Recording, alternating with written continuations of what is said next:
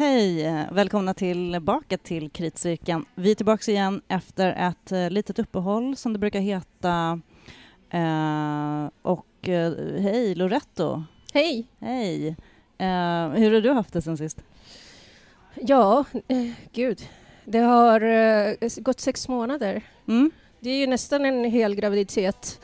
Ja? Jag är inte gravid. Nej, inte jag heller. Nej, eller, eh, eller fått barn. Eller jo, jag har fått två nya katter. Eh, Vad heter de? de heter Sigrid och Rut. De är, Devon Rex katter. Mm. Eh, dessvärre så har jag också gått i, i sorgens tider då min, mitt livs kärlek Ona Mm. Don Din Sphinx, förra katt. min förra katt, gick bort efter en korttidssjukdom. Mm. Så Alltså det- är ju, det är ju, det är bland annat därför som, alltså, vi har varit tvungna att ha uppehåll, men det har också Ja. blivit krig i Ukraina. Ja, Um, vårt senaste avsnitt var, eh, publicerade vi 17 februari och eh, vi hade massa saker som vi såg fram emot eh, i det avsnittet, minns jag. mm. Ehm, men så bara blev det krig och jag menar, visst, livet tuffar på och sådär. Mm. Men vi kom av oss lite och ehm, som det kan bli ibland. Men nu är vi tillbaka igen i alla fall och kommer du ihåg vad vi pratade om sist? ja nej men vi, vi, vi gissade vilken låt de de skulle använda i Macbeth. Eh, för tidigare så i, mm, vad var det, i Faust så hade de eh, använt Depeche Mode, Enjoy the Silence.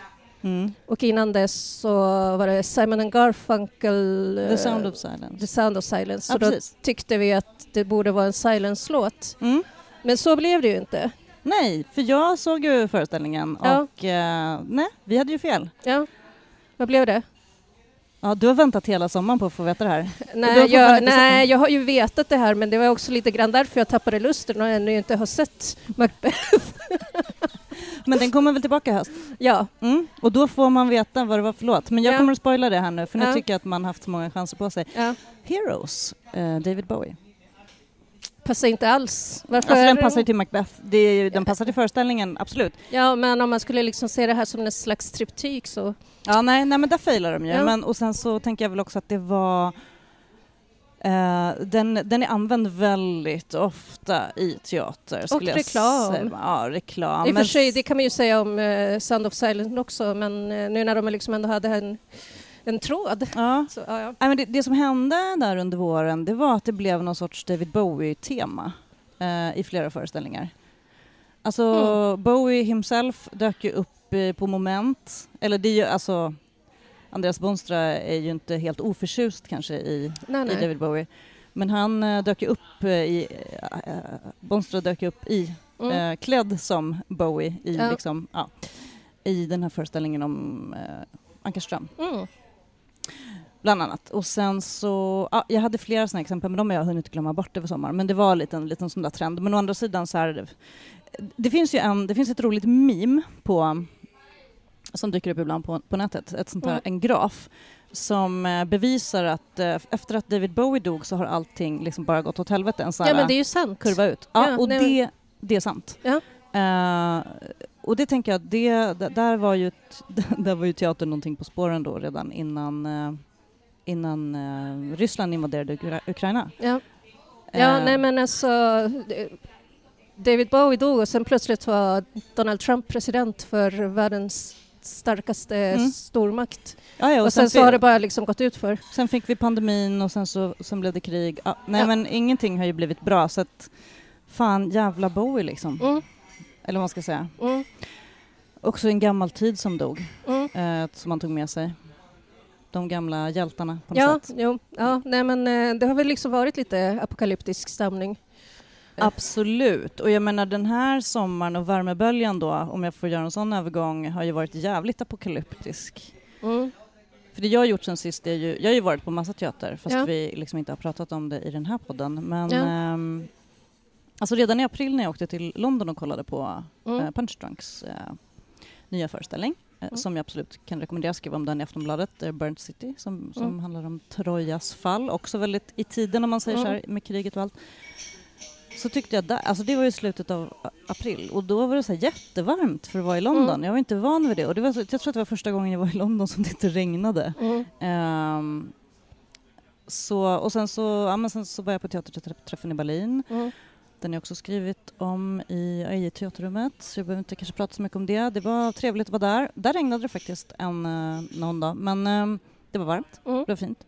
Men sen i somras då så åkte jag till teaterfestivalen i Avignon Mm. eh, och var där i eh, två veckor ungefär.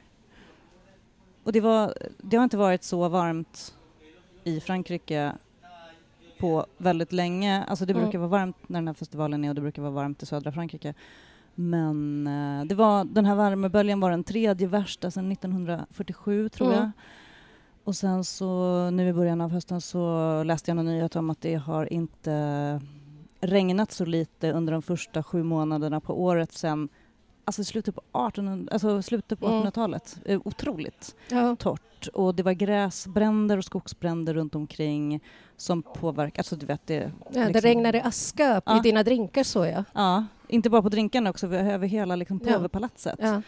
Eh, när jag gick och såg eh, Kirill Serebrenikovs eh, Le Moine Noir, eller Den svarta munken, efter en Tjechov-novell som också handlar lite grann om Nej men den handlar ju om att vårda en gammal trädgård, eller det, Mm. det gör väl all Tjechov, höll jag på att säga. Det finns alltid någon gammal trädgård som man ska, Mm. som man ska ta hand om eller inte. Men, men den där, eh, det finns ju å ena sidan liksom metaforen med samhället som, eh, trädgården som en metafor för samhället. Men också liksom jordklotet. Alltså Mm. Det där börjar man ju läsa in ännu mer när det är så himla varmt. Ja. Man sitter där under bar himmel och liksom det regnar sot Ja. och det är 38 grader på dagen och man kommer ut liksom från föreställningen vid så här Ja. halv ett på natten och det är så här, åh vad skönt, nu är det bara 31 grader. Ja, Liksom. nej men alltså bara tropisk värme i slutet av augusti i Sverige är ju också oroväckande. Ja, ja, gud ja. Nej, men nu är vi ju, nu är vi ju i liksom eh, ja, slutet, mitten, slutet av augusti och det är varmt och man har verkligen den här liksom blank utan glow Mm. cream-effekten är Mm. ju, den har ju varit konstant. Mm. Ehm, man får frissigt hår och man är blank och det är så Ja. jobbigt. Man är ful. Ja, det rinner svett. Man får Ja. vänja sig vid det här tror jag. Ja, Mm. ja nej, men man får vänja sig vid att vara ful. ja. Ja. ja, men du har, du har rest. Alltså. Ja, så jag har rest. Uh, ja, nej, men det, var, det var härligt att vara där, det var otroligt varmt. Eh, jag såg 17 föreställningar. Eh, det var en extrem sport. Det var Mm. liksom mer än någonsin. Alltså, det brukar ju vara ganska liksom, intensivt att vara på festival, Mm. på teaterfestival. Men med den här värmen så var det eh, extremt. Liksom. Man, man bytte kläder, man liksom svalkade sig Mm. och eh, det var skönt. I Avignon är så att vissa föreställningar är utomhus. Mm. De spelas sent på kvällen. De brukar börja kanske vid nio eller tio på kvällen. Mm. Och det funkar ju. Eh, och typ, första gången jag var där då tänkte jag så här, åh vad djärva de är som vågar ha, liksom rigga upp så här mycket utomhus. Tänk om Ja. det börjar regna. Det har ju aldrig hänt. Nej. Liksom. Det kommer ju inte hända, alltså, så här, det är ju snarare tvärtom. Liksom. Ja. Ehm, att det nästan är fortfarande för varmt klockan tio på kvällen Ja. eh, och spela utomhus. Jag såg en föreställning som heter One Song där de, ja, en helt fantastisk liksom, galen eh, intensiv föreställning som är liksom en alltså det är en vidareutveckling av ett annat koncept men i alla fall, där, de, de här skådespelarna i alla fall, aktörerna på scenen, de sjunger, Mm. spelar, eh, dansar och tränar. Så det är så en violinist eh, som går på en balans eh, vad heter det? Bom i Mm. gymnastiken, bommen, Mm. balansbommen. Eh, sångaren springer på ett löpband hela föreställningen, eh, en och en halv timme. Um, en kontrabasist ligger ner och gör sit-ups och spelar Men hela gud. föreställningen. Men det är ju värre än den här spinning, eh, spinningteatern som, som vi ska se. Ah, ja. Ja, och den, den är ju, det är ju ett koncept som, Ja. som har återkommit. Katie Mitchell som, som gör sin, det är, jag tror det är hennes tredje med, Ja. med cykel, Ja, cykeltema. ja. Ehm, ja, här var det ingen som cyklade men det var en, eh, det var en cheerleader som, som cheerade hela, det var en, en hejaklack som stod på en, eh, på en läktare och hejade hela föreställningen. En uh, trummis som sprang fram och tillbaka, hade fyra, fem trumset, joggade fram och tillbaka och sen hade de en sån här metronom som höll Mm. takten. De spelade alltså en sång med en text Mm. och sjöng om och om igen i, i en och en halv timme. Eh, ja, men det var en häftig föreställning. Jag tycker absolut att man liksom kan försöka typ eh, nosa upp den om man hittar den någonstans. Den, kommer, ju- den turnerar ju. Ehm, jag hoppas att, eh, att någon plockar hit den till eh, Sverige, Mm. för det är en jättebra festivalföreställning. Mycket att fundera på kring den där. Och, eh, men just där och då, liksom site specific, så blev det ju, så började man ju fundera på det här med deras, liksom, om de ska få hjärtinfarkt, för att det, var, det var så varmt. Ja. Den här spelades i, på en av utomhusscenerna i ett sånt här Ja. gammalt kloster. Ja. Ehm, Får tänka att de ha, hade bunkrat upp med elektrolyter innan de satte sig eller gick på scen. Ja, alltså bara att göra det här utan den där värmen så tänker man så här, men åh det är så jävla intensivt. Och de liksom, Mm. Men så tänker man så här, ja, det är ungefär som en vanlig eh, svansjön. Mm. Alltså ja, men det är ju så intensivt Mm. att dansa Mm. eh, intensivt. Ehm, jag såg en annan föreställning på Avionfestivalen just, uh, Jan Martin som gjorde en föreställning som heter Futur Proche. Mm.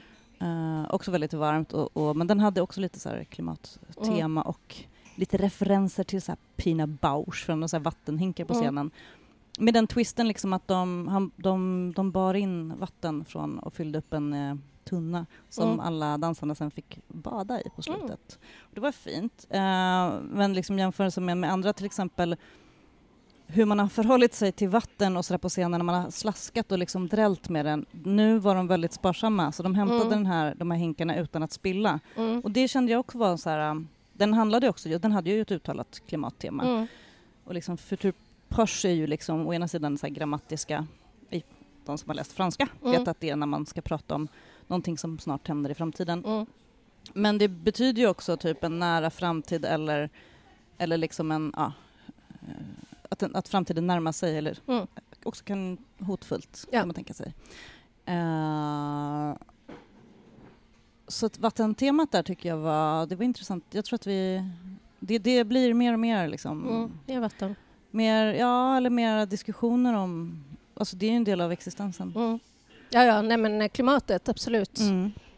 Och där tyckte jag då, alltså både då i den här liksom Svarta munken och Jan Martens, alltså flera föreställningar, det återkommer ju, man, man, man, vi lever på en jord liksom, vi Mm. har en klimatkris. Eh, det kom in naturligt där och eh, det var någonting som jag reflekterade över även när jag var i Berlin. Mm. Ehm, att det, det finns den där liksom, vad gör vi, vad, hur hanterar vi de svåra frågorna liksom. Mm. Där såg jag en föreställning som eh, en Tartuffe som var parad med Pikettys eh, Kapitalet. eh, Ja, ja. just det. Ehm, och ja, kapitalismen har ju också med vilken framtid vi ska ha att göra. Så det, allt hänger ihop som man brukar säga. Ja, det gör ju det. Mm. Nej men du har ju varit på lite premiärer, du har varit på lite sommaropera och sådär. Ja, jag, jag, har inte, jag har inte rest i Europa, men jag har rest i Sverige. Ja, men det är fint. Eh, ja, nej, men, Modernt. eh, jag har varit i Vadstena och sett eh, Vadstena-akademin göra um, break the, Breaking the Waves efter Mm. Lars von Triers tragiska... Vad ska man kalla den för? Ja, nej, men den är ju bara tragisk. Mm. Ehm, Ja, men jag hade lite FOMO där och den blev bra. Ja, eller alltså musiken är ju helt, helt fantastisk. Eh, väldigt liksom så otroligt omlyssningsbar, vilket är väldigt sällsynt för nyskrivna operor, tycker jag. Ja, alltså vi, en annan opera, nyskriven opera som vi såg, det var ju Ålevangeliet i Just det. våras. Apropå vatten och miljötema och tankarna Ja. och sådär. Eh, men absolut, den tänkte jag, den var väldigt liksom det konceptet. Mm. Är väl ingenting som jag känner att jag liksom skulle sätta mig och poppa Nej, men precis. på liksom, Nej. hemma till, jag vet inte, morgongympan. Ja, Eller ja, som man har, ja. håller på med. Nej, men, eh, och så så har jag också varit på Läckö slott och sett eh, Tintomara. Ja, Queer, eh, ja, eller vad ska man säga, eh, vår Orlando, Sveriges Orlando. ja Ish. Almqvists äh, Drottningens juvelsmycke. Ja, Där, det här är min, det här är inte jag outat någon gång, men det är ju en av mina älsklingsväsen, Tintomara Ja. och hela Drottningens juvelsmycke. Ja. Jag älskar allting som har med tiden kring mordet på Gustav III Ja, att göra. Och jag jag, helt, ja, nej men, och jag märker ju liksom att det har ju också varit ett tema som har återkommit eh, på scenkonsten under det här Ja. året. ja, vi hade Ankarström i våras. Ja, vi hade Ankarström, vi hade Tintomare, vi hade också en eh, Maskeradbalen på Skäret. Just som det, ingen en ballo. Oss, en ballo, Ja. som ingen av oss har sett. Nej. Eh, jag tror att det är lite fler Gustav III som liksom ploppar upp lite här och var. Mm. Jag kan inte komma på någonting på rak arm. Men eh, det känns som att det liksom är ett ständigt återkommande Det är någonting med monarkin. Ja, eller det är någonting med kungamord. Kungamord, ja. Alltså den upplyste despoten som man kallade sig. Ja. Vi har ju honom mycket, att tacka för mycket. Mm. Ehm, teaterkungen. Eh, samtidigt också den, ja, men som sagt, den upplyste despoten. Mm. Det, det vad han ville kalla sig och hur, hur, man, eh, hur man skapar en bild. Alltså det, det var ett tidigt va, varumärkesbyggande kan man Mm. säga. Jo, men Och det hade han ju precis. plockat ifrån från den franska kungen. Ja, men Eh, precis. Jag så tänker det- liksom, det är ju det är ju lite fiffigt ändå liksom att plocka upp det, den kopplingen också nu i samband med att det är valår. Ja. Och Ja. nu, nu liksom när vi befinner oss mitt i en valrörelse och ser liksom om det kommer spegla sig i, i teaterlivet. Varumärkesbyggande och, och liksom hur man formar, hur man presenterar bilden av sig själv. Det är Mm. ju ehm, det är ju så, det är vad makten håller på med, det är vad liksom eh, de samtida makthavarna håller på med i Sverige, det är vad Putin håller på Mm. med, det är också vad Zelensky håller på med. Mm. Eh, apropå teaterkungen där så, Ja. Han är ju liksom hjälteförklarad men om man tittar på liksom, kanske någon gång i efterhand hur, hur han jobbar och alltså man måste ju också någon gång kunna eh, liksom granska och, eh, och kritisera liksom den Ja. makten. Ja, nej men alltså det är väl liksom väldigt mycket att vi speciellt liksom i massmedia går enligt en, eh, en, em, polariserad eller en svartvit världsbild Mm. som liksom Melodramat. Ja, ja visst. Alltså, de, de goda versus de onda. Det är liksom är enkelt och förankrat och liksom, eh, ja, lätt, lätt att förmedla när Mm. i verkligheten inte nödvändigtvis är så. Mm. Men jag menar, med Zelensky är ju, alltså han är ju verkligen en, han är ju en typ av teaterkung då, fast Mm. han är liksom ändå en, en såpopera-president. Mm. Eller eftersom han gjorde karriär som, eh, som komiker Mm. och, och skådespelare. Mm. Eh, och typ det är ju, lite Ronald Reagan. Ja, Ronald Reagan. Men alltså, Trump hade ju tv-bolag, eller så här, ja, alltså underhållnings... Trump var känd innan han blev, Ja. alltså, så. Så att, eh, som sagt, ja. Nej, men det är intressant, men från, från eh, den liksom ena varumärket till den andra, vi ska ju snart, eh, för vi har ju festivalkänslan kvar i kroppen, vi Ja. ska ju snart gå på festival. Ja, Nu, här, ja. ikväll. Ah, Eh, Dracula, Ja. eh, på Dockteaterfestivalen, Pop-Up Puppets. Pop-up puppets. Ja, Ja, det är ju precis. faktiskt en, eh, måste jag säga, nu avbröt jag dig, det, det är ju faktiskt den ehm, den enda typ internationella festivalen vi har kvar i Stockholm. Alltså Bergmanfestivalen, eh, den har ju blivit en, någon typ av hybridform som ska delas ut och det kommer föreställningar som kommer in, är inbjudna Mm. under Bergmanfestivalens flagg men eh, den är inte längre en sammanhängande liksom, festivalvecka. Ja, Och jag tycker att det är tråkigt. Jag Det är tycker att det är tråkigt. viktigt med festivaler och därför så blev jag också glad. Jag höll nästan på att missa den här festivalen Mm. för att jag hade fått information i typ någon gång i våras, glömt bort den eller du vet det kom något Mm. Och sen började jag kolla så, men vad är det som eh, händer, typ jag skulle börja kolla vad som händer i höst och bara oj då, men vänta det är ju en dockteaterfestival här nu eh, Mm. som börjar idag, Ja. 18 augusti. ja nej, men tänk om man liksom hade vetat det. Jag hade inte, jag hade inte du sagt det i förbifarten så hade jag inte haft någon aning. Nej. Och de brukar, väldigt, de, de brukar vara väldigt bra. Det är, eh, jag, jag är ett fan av eh, dockteater, Ja. dockteater för vuxna. Eh, och, eh, och den här Dracula då, det ska vara en... ja men det, det ska vara någonting att se fram emot och nu har vi bara Mm. liksom någon timme kvar innan, innan Mm. vi får se vad det blir. En norsk, ehm, Norsk. regissör och dockmakare. Ja, eh, Ingvild Aspeli, Aspeli, As- Mm. Aspeli. Eh, ja, nej men eh, alltså jag tror att vi har stött och blött Dracula-myten här på Krisitcirkeln några gånger nu vid det här laget. Mm. Eh, så, men det är ju liksom alltid kul att, att se nya gestaltningar så jag förstår så ska de här dockorna vara i naturlig storlek. Mm, life size liksom. Ja, life size, precis. Och eh, jämte skådespelare. Mm. Så det ska bli se, se, intressant att se liksom hur den eh, dynamiken utspelar sig. Mm.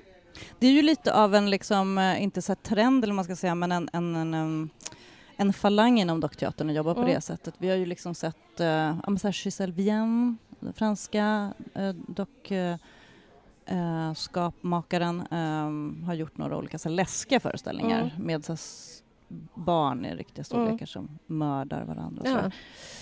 Ja. Ehm, och för, för, för massa år sedan så var det ju en ständigt återkommande dockfestival. Mm. Också med så här burleska, liksom, eh, groteska barnförbjudna föreställningar som och sen så kom det där av sig lite grann och sen så den här Pop-Up Puppets, jag vet inte, jag tror att den kanske har varit tänkt att den ska ha återkommit eh, Mm. fast det har varit pandemi. Men eh, jag tror att det var fyra år sedan jag var sist. Mm. Eh, jag fick någon sån här minnesflash på min telefon. Eh, och då såg jag ju, då hade de en jätteintressant föreställning om Sisyfos-myten. Med, eh, ja, då skrev jag om den i alla fall. Eh, jag ska inte skriva om den nu, men vi ska gå och titta i alla fall. Och, Mm. Så vi ska se två föreställningar ikväll. Ja, Dracula först och sen den här som heter Paper Cut. som- Papercut som jag förstår är någon slags Kontorsskräck. ko- kontorsskräck, eh, ja, eh, drömmar i New Public Management-miljö. Åh, men det är ett tema som vi har haft också. Ja, Eller har vi ja. haft det temat? Men jag skrev en text om det temat. Ja, eller jag vet inte, nu, nu tolkar jag ju liksom bara blurben i, i Ja, vi får se. Ja, men i alla fall den är av och med den eh, israeliska regissören och dockspelaren Yael Rassouli. Mm.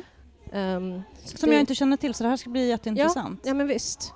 Nej men, nej, men New Public Management-temat, jag skrev en text om det i, i arbetsvärlden faktiskt, för eh, som, jag skrev, eh, som jag skrev i våras. Mm. Eh, ja, men det kom ju ett antal föreställningar där. Ja, men vi hade den här uh, Gertrud Larssons eh, Vi, ja, jo men vi ja. hade i alla fall tur med ramavtalet. ja, just, Ehm, just det. Jo men så hade vi den här, eh, den tyska dramatikern Sibylle Bergs eh, Jobbet framför allt. Eh, som var en Mm. hel, alltså så här jätteabsurd satir om, mm, där ett, ett, ja, människor på ett företag får liksom, de, de ska på en kick-off eller firmafest och så får de, det, det spårar ut till någon sorts Ja. tävling, eh, så game show, eh, Mm. där de ska tävla om att få behålla sina jobb. Ja. Liksom. Ja, nej, men det har varit mycket så kontorsmiljöteater under våren. Kan ni erinra mig den här um, om Anna Lind, väninnan? Ja, det var också, det var också arbetsplats. Ja, men det var ju Mm. också, det var ju hennes, eh, hennes press, eh, chefs Eva pressekreterare. Franchell. Ja, precis. Eh, som hade skrivit en bok som har dramatiserats som liksom utspelar sig eh, in the boiling room av politiken. Mm, liksom. Maktens korridorer. Ja, ja men, men eh, väldigt, eh, väldigt bokstavlig mening. Ja, och sen hade vi, jag eh, tror jag tog upp också i den här texten, eh, Malin Axelssons pjäs Chefen. Ja, som är faktiskt blivit uppsatt i två versioner. Ja. Fast den är ny. Den hade väl uppmäär bara i höstas Alltså den har väl gjorts i en radioversion också? också. Ja. Först, jag tror att den började så om jag inte eh, missminner mig. Um, för hon, hon var ju chef för Radioteatern Mm. förut så jag tror att hon provade kanske eh, idéerna där. Ehm, ja, och sen så tror jag att det var du som tipsade mig om när jag, prat, när jag skulle så här, liksom, ehm, när, när jag pratade om det här, så här, vad har vi på det här ämnet så hade vi ju Alma Kilrik. Just det.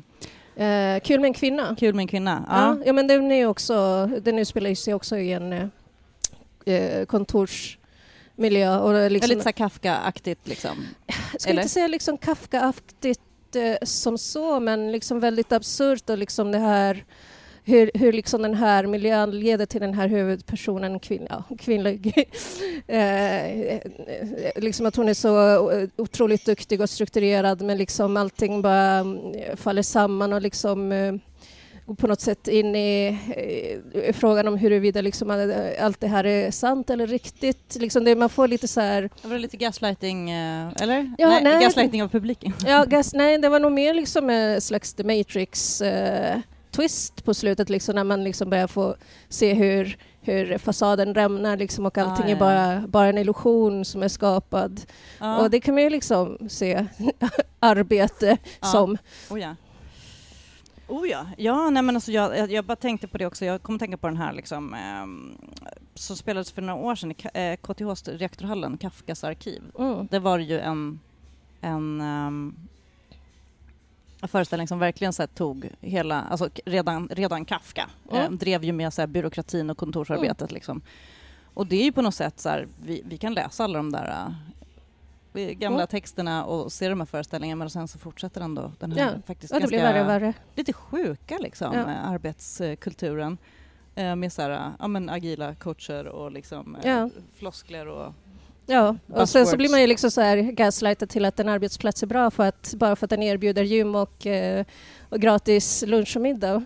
Gratis kaffe nu när det börjar bli så dyrt. Ja, Jo, man kanske, ska, börja, man ja. ska bli anställd igen, tänker jag. Ja, nej men det är ju bra på riktigt. Nej, nej men det är ju liksom bara en eh, metod för att se till att eh, folk, alltså arbetskraften, inte går hem. Mhm. Jag trodde att man skulle så här, få ett eh, gratis gym för att man skulle hålla sig fit som man... Ja, nej men det också. Så Men, framförallt, nej, men liksom. framförallt för att eh, arbetskraften liksom, eh, i princip ska, ska ha hela sitt liv på gymmet. Alltså, Mm. äta, På gymmet? På jobbet? Nej, på, på jobbet. På, Ja. ja. gud, det där var freudianskt. Åh, men alltså, åh, gud ja, åt, och även teatern höll på att säga nu. Eh, apropå de här uh, cykelföreställningarna som vi ska se, Mm. eh, Katie Mitchells, som vi ska se i helgen. Mm. Vad är det den heter? En pjäs för de levande i en döende värld. Ja, för att, för att hon har gjort, jag trodde, eh, och det här tror jag att jag råkade säga till dig, jag bara, Mm. men det är samma som eh, den Schaubühne-upplagan som kommer till Bitev i Belgrad.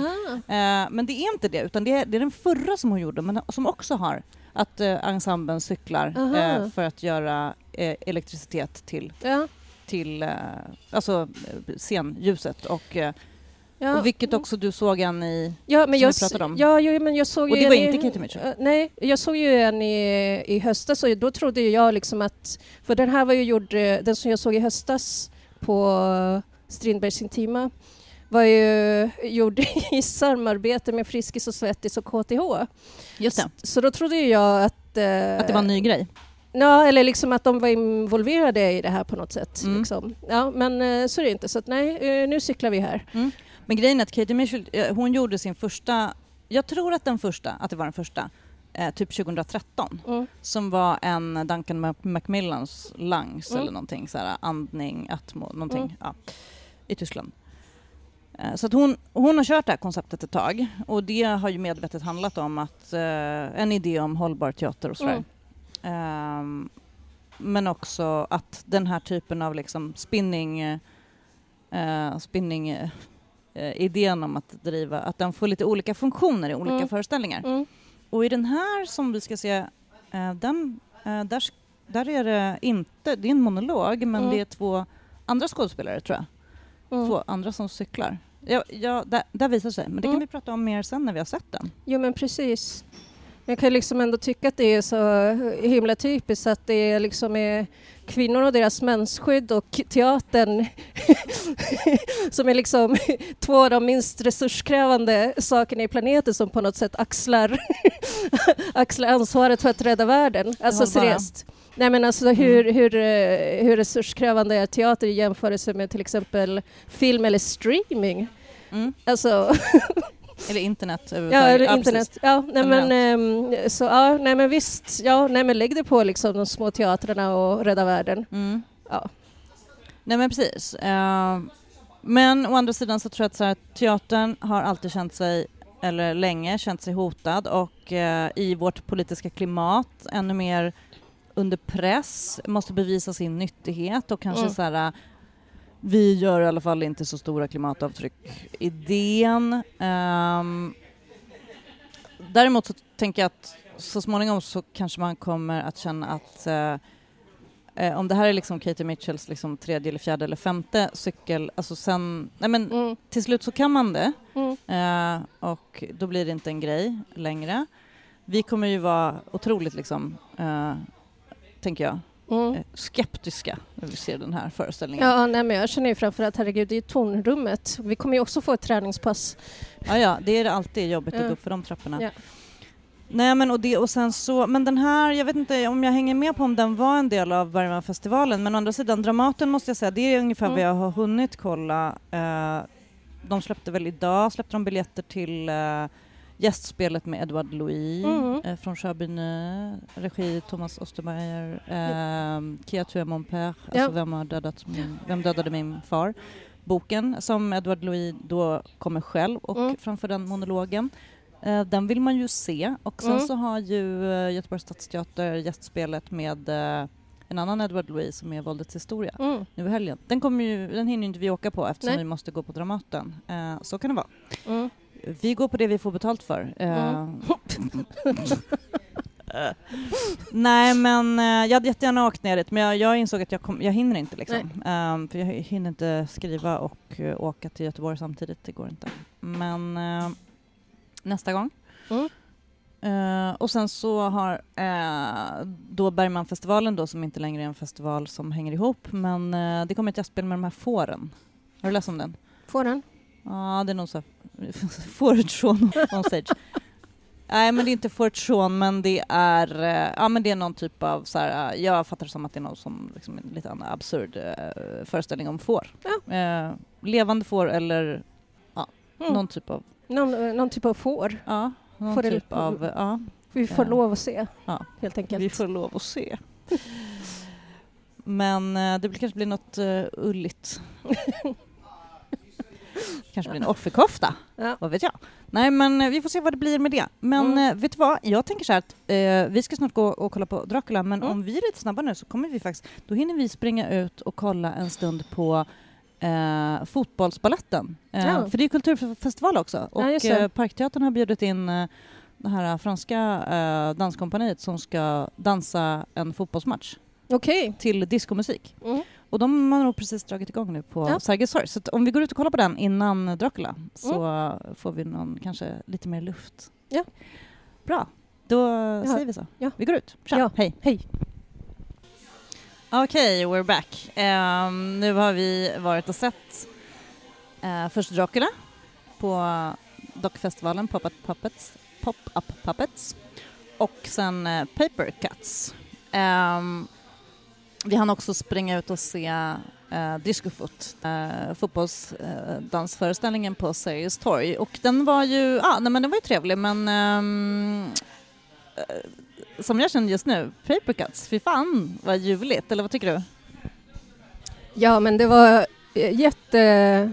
Eh, jag hade liksom... Ja, det var ju inte New Public Management som vi hade misstänkt, utan eh, det här var... Egentligen så var båda föreställningar eh, vinkningar till eh, gamla Hollywood. Eh, Paper Cuts då av... Eh, ska vi se den israeliska Jael Rasouli. Eh, handlar ju då om den här sekreteraren som eh, dagdrömde sig in i en eh, ja, pappklippdocksvärld som var liksom som en eh, 50-tals Hitchcock-aktig eh, thriller där hon hade en kärleksaffär med sin eh, chef och det var liksom sång och mm, eh, ja, allt möjligt sådär. Ja men precis, sång och romantik och, och dagdrömmeri eh, i en eh, eh från början kanske ganska tråkig kontorsmiljö så där gissade vi ju rätt kan man säga. Ehm, och eh, ja, nej, men jag blev glatt överraskad, jag hade vi kanske inte riktigt så här, läst på så mycket. Eh, och jämförelsevis då med Dracula, eh, Dracula är alltid Dracula och det var ju fina liksom, specialeffekter och sådär. Eh, men, ja, men rent så här, liksom berättartekniskt och så här, dramaturgi så ja, men då vann ju Paper Cuts. Jag tyckte att det var verkligen så här eh, lysande komposition och också hur hon jobbade med eh, personerna och fantasin i de här klippdockorna. Men jag menar naturligtvis, Dracula, där fanns det också, den slog ju också ett slag för eh, fantasin och eh, det fanns ett budskap där om, om du om du tänker dig och fantiserar det så är det verkligt. Ehm, men eh, absolut, och eh, bara på de här två föreställningarna en ordentlig spännvidd mellan ja, vad, vad, liksom vad dockteater kan vara. Um.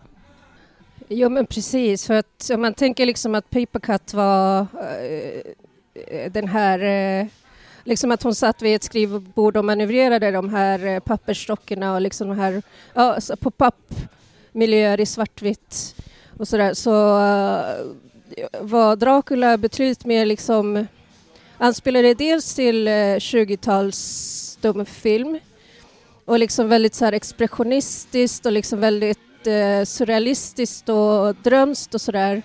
Um, det fanns liksom en, eh, en slags poetisk vision men problemet var ju liksom, tycker jag, det var ju att man eh, fastnade i den här storyn med när Dracula förför Lucy. och liksom skippade hela den här, den här kärnfulla kärlekshistorien som Dracula har med Mina. Så det blir liksom lite så här, det blir lite mm, långrandigt att ha en timme som bara handlar om Lucy, så det blir liksom väldigt mycket repetitioner och sådär. Jag fattar liksom att man vill visa de så här spektakulära teknikerna som han hade hittat på. Men eh, det finns ju också tillfällen att kill your darlings för att inte tråka ut publiken.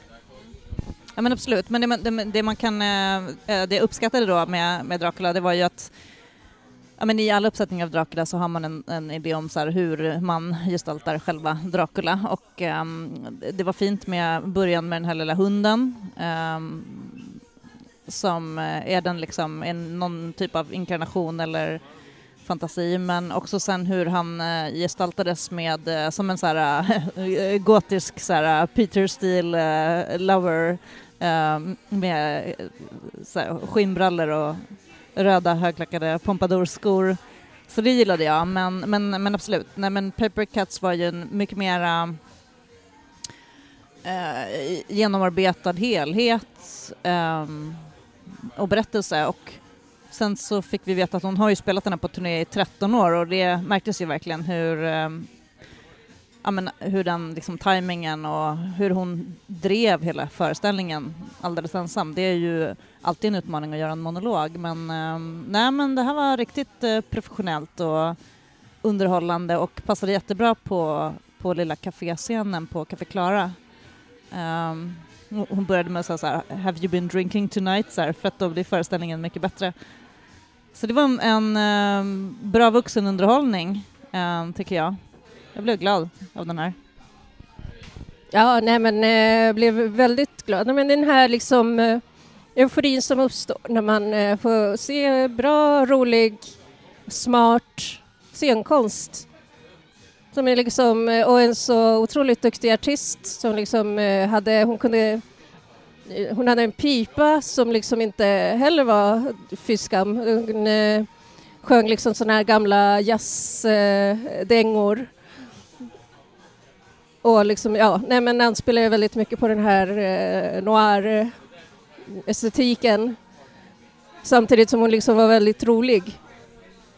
Ja, och bilderna på de här klippdockorna, det var ju, eh, jag vet inte, det var lite svårt att se, man satt en liten bit ifrån, men om det var så här kanske Ingrid Bergman och Humphrey Bogart och sen så Marlene kanske var Marlene Dietrich um, som spelade den här um, exfrun som uh, har omkommit i någon mystisk olycka och sådär. Ja, men den, uh, det här var roligt. Jag var glad uh, att vi såg den här och det var en väldigt bra festivalföreställning. Sådär, verkligen sådär som Mm, men kort, eh, intensiv och eh, man blir glatt överraskad sådär som man ska bli på festivaler. Ja, nej men precis, och det gav eh, mer smak. Hon sa också precis eh, efter applådtacket att de tydligen ska köra en annan föreställning under eh, festivalen som eh, väckte lite FOMO och sådär. The House by the Lake. Ehm, så den skulle man vilja hinna se. Absolut. Ja, men jag tänker nästan att, att man ska försöka göra det. Eh, och eh, ja, som sagt, kritcirkeln är tillbaka igen och eh, med, jag menar festivalstämningen är ännu mer på, på topp just nu. Eh, så um, vi får se, vi säger så så länge och så hörs vi snart igen. Tack så mycket för att ni har lyssnat på Kritcirkeln. Ha det så bra.